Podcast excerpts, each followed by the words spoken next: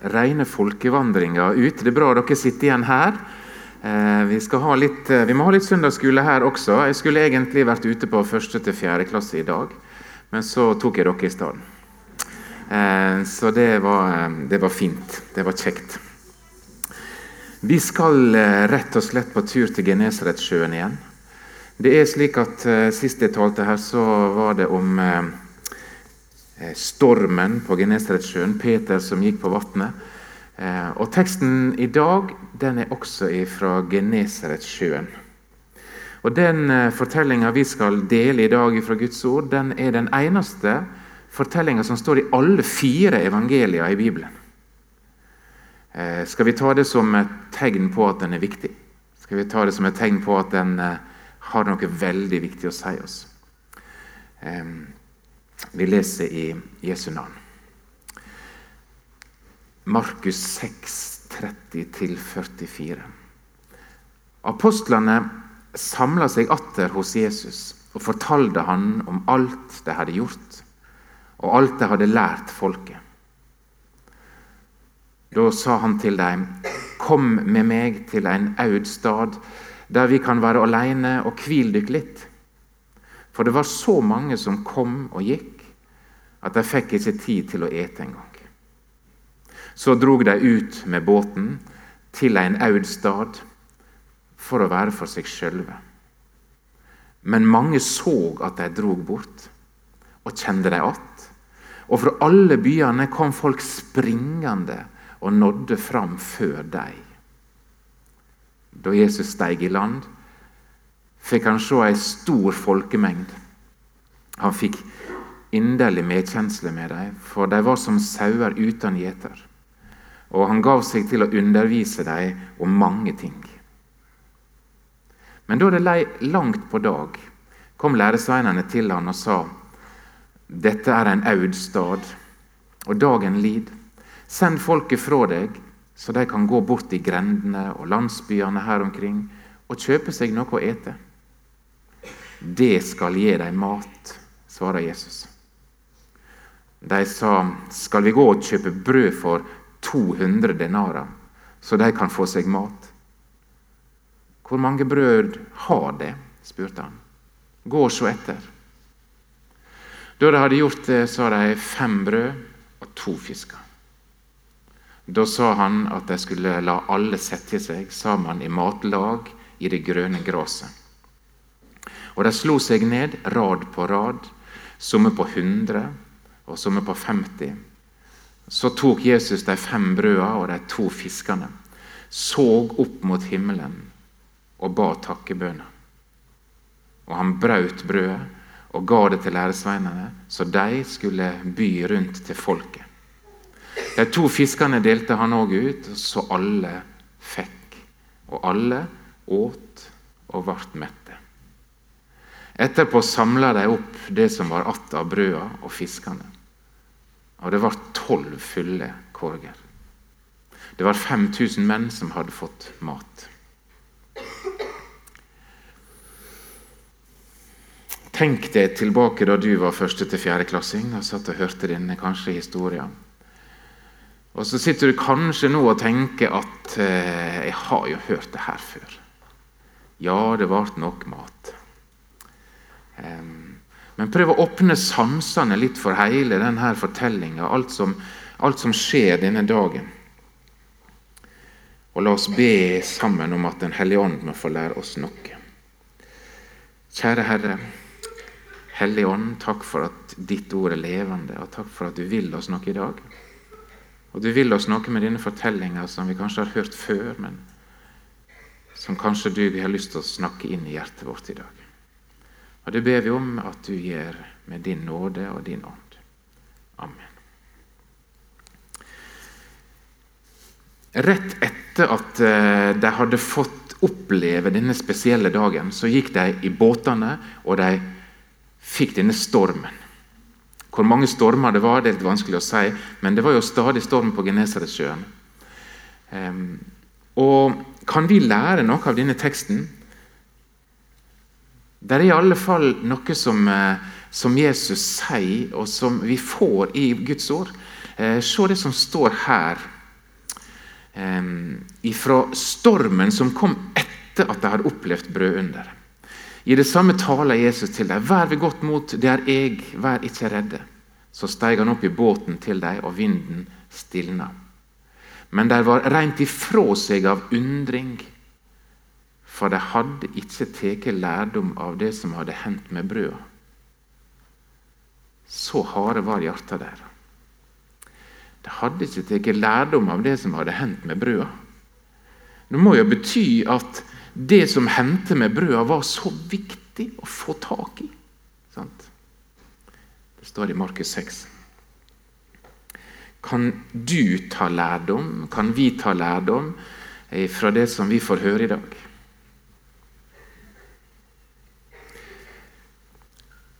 De var ifra seg av undring. De så Jesus gripe inn overfor naturkreftene og de var fra seg av undring, sjøl om de hadde opplevd at han like før hadde metta 5000, og det var bare de som var av menn der. Forstår vi tegnet? Hva var bakgrunnen for denne dagen? Jo, det var det at Jesus tok imot disiplene igjen. Disiplene hadde vært ute, de hadde preika, de hadde møtt folk. De hadde sikkert fått vært med å helbrede noen. Eh, og Så kom de tilbake, og de var ivrige. De ville fortelle Jesus alt de hadde opplevd. De var sikkert utmatta etter turen. Det var det ene viktige bakgrunnen for denne dagen. Den andre viktige bakgrunnen var at de akkurat hadde fått visst at døperen Johannes var blitt drept. På en måte som vi får lese om i Bibelen, som er helt merkelig der kongen ikke kan la disse som var gjester, vise at han mista ansikt overfor dem. Og så ble det Johannes døperen halshogd. Og Det sitter de med, begge. Dette, her, dette her bakgrunnen for at Jesus, når han har hørt på dem, og de ivrig forteller, så sier Jesus da sa han til dem. Kom med meg til en aud stad der vi kan være alene, og hvil dykk litt. Jeg vet ikke hva slags Guds bilde du går og bærer på. Og Det er kanskje ikke noe du tenker på til daglig heller. Men av og til så tar jeg meg sjøl i å tenke at Gud er som en sånn eh, arbeidsformann som eh, står og sjekker litt at eh, Stemplingsuret er greit for den tida du legger ned i Guds rike. Og Kanskje, kanskje sitter du med en litt en sånn følelse av en sånn arbeidsformannsgud. Men her er et bilde av en Gud som er omsorg for hele dine følelser, eh, kreftene dine, dagene dine, tida di.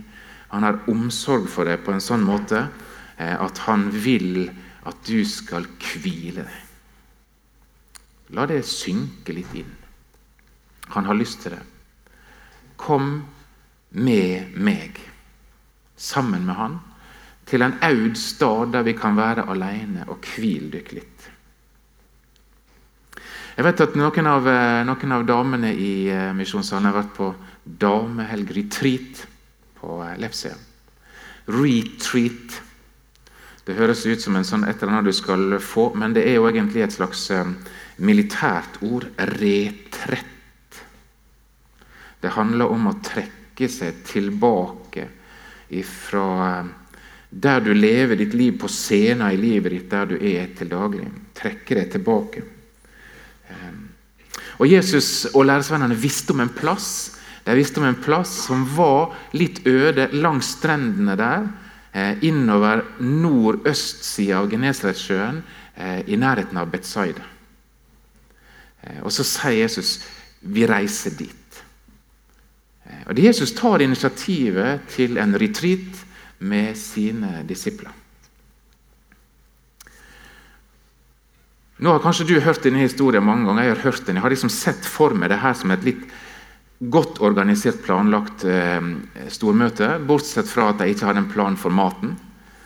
Eh, men det var jo ikke det. Se for deg denne situasjonen som skjedde. Her begynner folk å se at læresvennene går i båten. Jesus går i båten. Og så begynner de å uh, småjogge langs stranda. Uh, og mange små landsbyer utover der. Uh, og så får de med seg flere. Springer. Sant? Og her er hastverk. Det, det, var ikke sånn at eh, de hadde liksom glemt Niste for planlagt tur, men det var, var ikke en planlagt tur. Det her var en stor folkebevegelse som bare ble satt i gang. 'Jesus er der, de kommer dit, de skal dit, kom igjen!' Og så springer de langs stranda, eh, flere og flere. Eh, og når de kom i land, så gikk det faktisk fortere å springe enn eh, å eh, ro eller seile. Og Det er ikke så rart eh, de som kjenner Genesaretsjøen, sier at akkurat på denne tida av året så hadde læresvennene motvind. Det var nordausten som sto inn over Genesaretsjøen, og de kom seg ikke så fort fram som de andre. Og når de kommer fram, så sitter hele grassletta der full med folk. Så drog de ut med båten til en aud stad for å være for seg sjøl. Men mange så at de drog bort, og kjente dem att. Og fra alle byene kom folk springende og nådde fram før dem. Jeg syns det var litt sånn øyeåpner, for det var situasjonen. Dette var, en, dette var et spontanmøte. Dette var, dette var folkemønstring.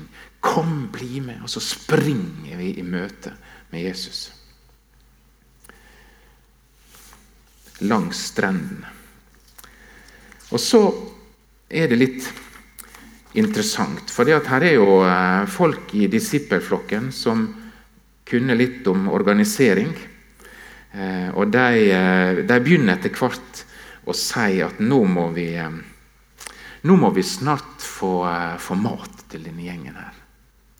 Det var jo en øde plass, men det var jo små landsbyer i nærheten. Og Det som er interessant også, at Philip, eh, som ikke står i vår tekst, men som står i parallelltekstene, han var en av de som først fikk eh, utfordringer. I vår tekst så står det slik Dette er en aud stad, og dagen lid. Send folket fra deg. Så de kan gå bort i grendene og landsbyene her omkring og kjøpe seg noe å ete. Og så kommer Jesus med denne utfordringa. Det skal gi dem mat. Og um, De sa skal vi gå og kjøpe brød for 200 denarer, så de kan få seg mat. Og Her tror jeg det ligger under en liten sånn humor, en liten ironi. For 200 denarer dere, det var, En denar var jo en dagslønn. Så um, en sånn en to tredjedels årslønn.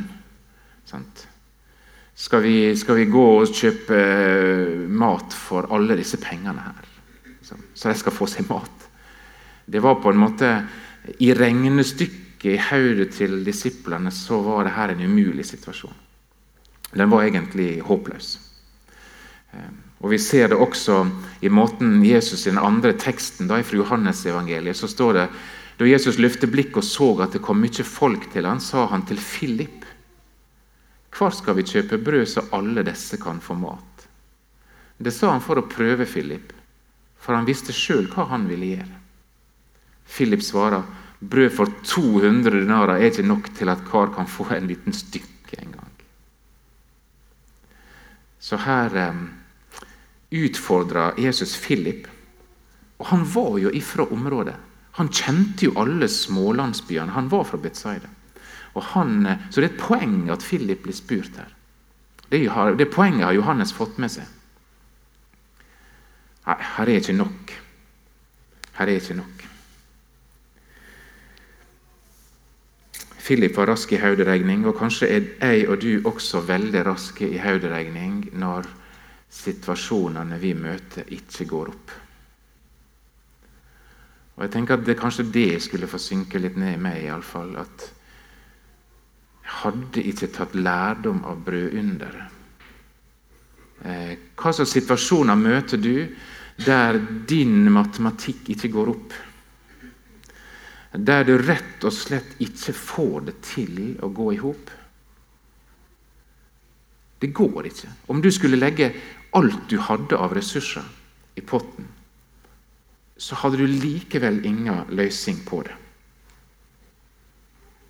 Vi rekner og rekner og rekner, men vi rekner kanskje ikke med Jesus. Og Det er kanskje en av de lærdommene vi kan trekke ut av teksten i dag. Når vi regner på vår måte Philip regner på sin måte. Læresvennene regner på sin måte. De regner på en jordisk måte. 200 denarer. Det rekker jo ikke til alle disse engang. Og de pengene hadde de sannsynligvis ikke heller. Rekner vi med Han som er en helt reell faktor i livet vårt, eller rekner vi ikke med Han? Og det kanskje kan bli et litt større spørsmål for oss. Er Jesus med i regnestykket i verdensbildet vårt? Eller er, har, har, vi blitt så påvirka av resten av samfunnet rundt oss at verdensbildet vårt har blitt så naturalistisk at vi ikke regner med Han lenger?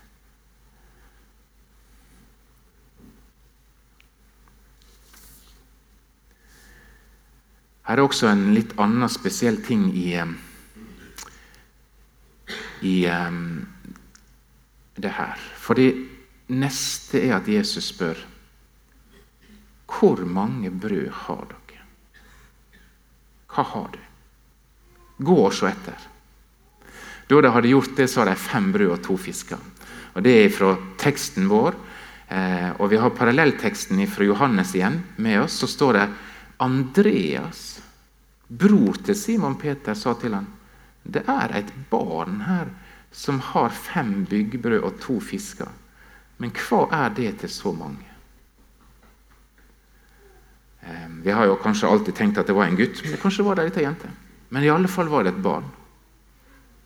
Det var et barn her som hadde det. Og hvorfor, hvorfor blir Andreas nevnt? Andreas var ikke en av disse her fremste som alltid tok ordet. Kanskje var det Peter vi hadde forventa skulle organisere litt her. Ta litt tak. Han var jo notbasen som skulle ta tak. Men det var Andreas. Og Andreas ser ut som han er en av de disiplene. Han har en veldig spesiell egenskap. Han eh, fører folk til Jesus. Fordi det var Andreas som førte Peter til Jesus. Det var Andreas som førte de søkende grekerne til eh, Jesus. Og Det står ikke mange plasser i Bibelen om Andreas, men her møter vi han igjen. Det viser seg at Andreas er en som ser. Han har et blikk, eh, Andreas. Eh, han har et blikk og er en person som peker på Jesus. så hadde jeg tenkt meg sjøl inn i den historien. Jeg er en som hadde kommet og sagt her er et barn her som har fem brød og to fisker. Mens de andre de så ikke barnet. Derfor skrev de ingenting om det. Men Andreas hadde sett barnet, sett hva barnet hadde.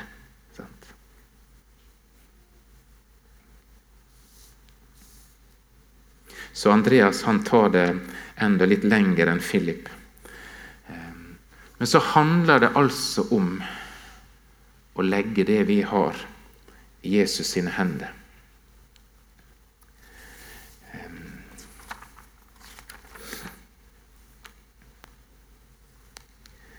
Gutten eller barna hadde, eller jenta hadde bare fem små byggbrød og to fisker. Kanskje var eh, dette barnet en av de som hadde blitt revet med av denne bølgen av folk som sprang gjennom åkrene og langs strendene for å komme fram til Jesus.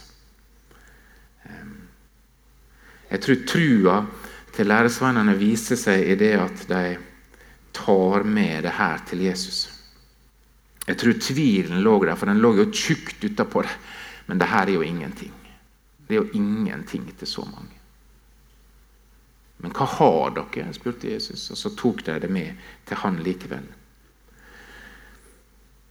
Hva gjør vi med våre ressurser? Hva gjør vi med våre liv? Hva gjør vi med det vi har? tenker vi at det er for lite. Det betyr ingenting. Men det betyr noe hvem du ser. Det betyr noe hva du legger framfor Jesus. Det betyr noe at, at vi gjør det, fordi vi legger det da i mesteren sine hender. Vi begynner liksom men, men, men, men, men. Jesus, jeg ser ikke løsninga her. Denne situasjonen er utafor min rekkevidde. Og så sier Jesus, legg det du har, framfor meg. Om det så er bare bekymringer, sant? om det så er bare fortvilelse, eller hva du har, liksom. Bare legg det framfor ham.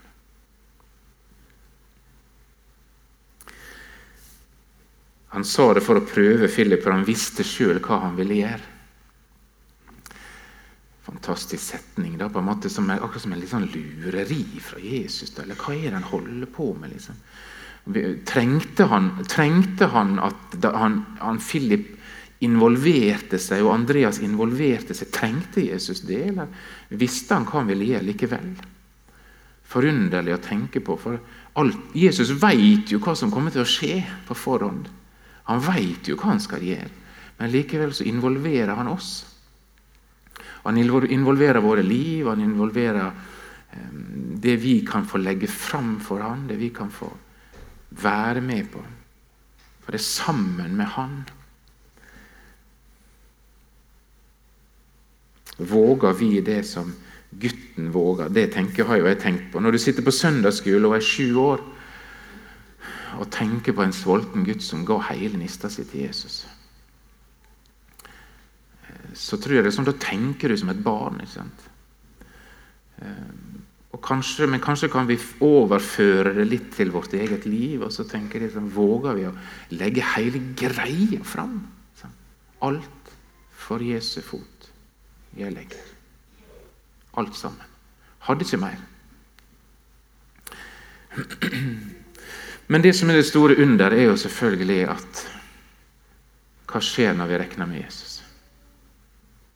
Så tok Jesus de fem brødene og de to fiskene, så opp mot himmelen og ba takkebønner.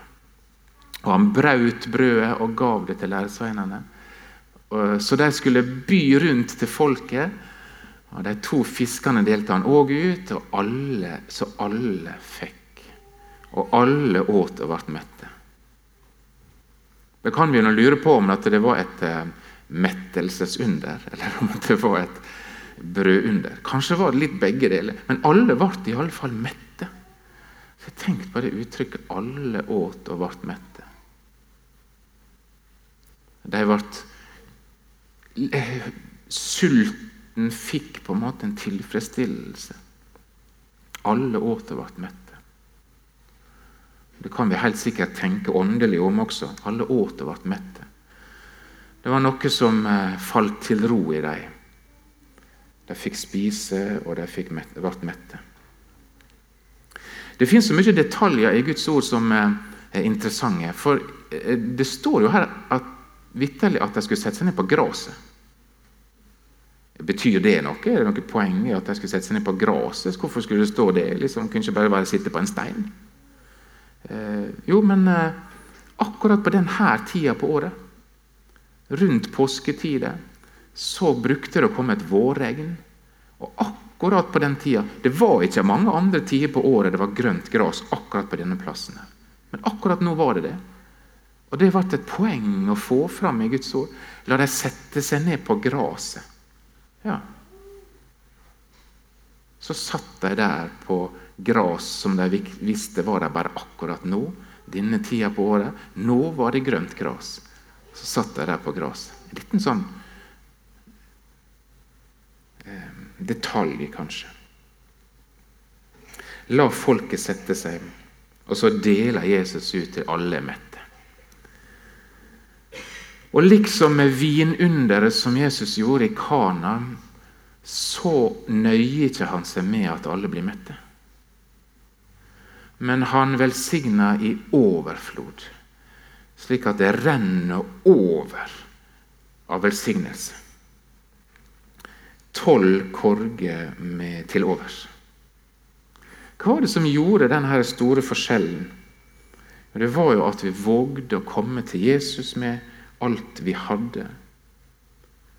Og underet skjer når Han velsigner.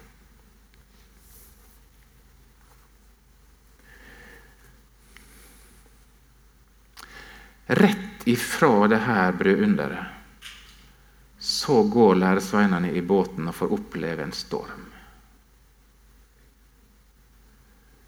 Kanskje hadde de hver sin Jeg har tenkt litt sånn, det kan dette kanskje være litt søndagsskoletanke, men kanskje hadde de hver sin korg med rester ifra, rester ifra brødunder rett ved sida av seg i båten. De hadde en fysisk påminnelse om at Jesus hadde vært der. Jesus hadde velsigna. Han hadde brukt alt de hadde, om det så var ingenting. Og de satt med beviset av velsignelsen og overfloden rett ved siden av seg. Kanskje det er derfor det står at de hadde ikke tatt lærdom. De så ikke. De så ikke at Jesus hadde mulighet til å komme dem i møte igjen. At det bare var en engangsting liksom, at Jesus skulle møte dem. Men det var jo ikke det. Han ville vise dem hvem han var, hvem han er Han ville vise oss hvem han er. Hva sitter du igjen med da? Hva slags lærdom kan vi ta fra brødunderet? Jeg syns den setninga var så fin. Kom med til den audstad der vi kan være alene og hvile dere litt. Men Jesus han møtte folk alltid der de var. Når nøden kom, så var han der. Når han så nøden, så så han eh, folk som var uten gjeter, og så ville han være gjeter. Den tenkte jeg kanskje jeg skulle ha tatt litt til med. da. Kanskje du trengte den i dag? Johannesevangeliet trekker jo hele historien om brødunderet helt ut og tolker det helt inn sånn som Jesus tolka det seinere. For hva var det som skjedde? Jo, det var selvfølgelig Folk ville jo ha brød. Wow, Vi har en konge som kan gi oss brød. Vi han her må vi ha som konge. Vi kan jo få brød hver dag. Og så måtte Jesus begynne å fortelle, forklare. Det er, det er jeg som er brød. Det er jeg som er brød. Det er jeg som kan mette. Det er jeg som gir liv. 'Jeg er livsens brød'. Og så begynte de etter hvert å skjønne Sier han at vi skal spise han? Det her gir jo ikke mening. Så begynner Jesus å si den som får min lekam og mitt blod, og som tar imot alt det som jeg har og er, den personen blir aldri sulten igjen. Sant? Så da, da, tar Johannes tegnet, brødunderet, helt ut i det som Jesus egentlig ville det skulle bety. Det var viktig med mat den dagen, selvfølgelig var det det. Men det det egentlig skulle bety, var jo at han kom som livsens brød til oss og metter di sjel og gir deg liv i overflod. Så du har du har så det rekker. Du har korga di med, med restene heil. Du ser det rekker, det rekker, det rekker. Dette er min lekan Dette er mitt blod. Amen.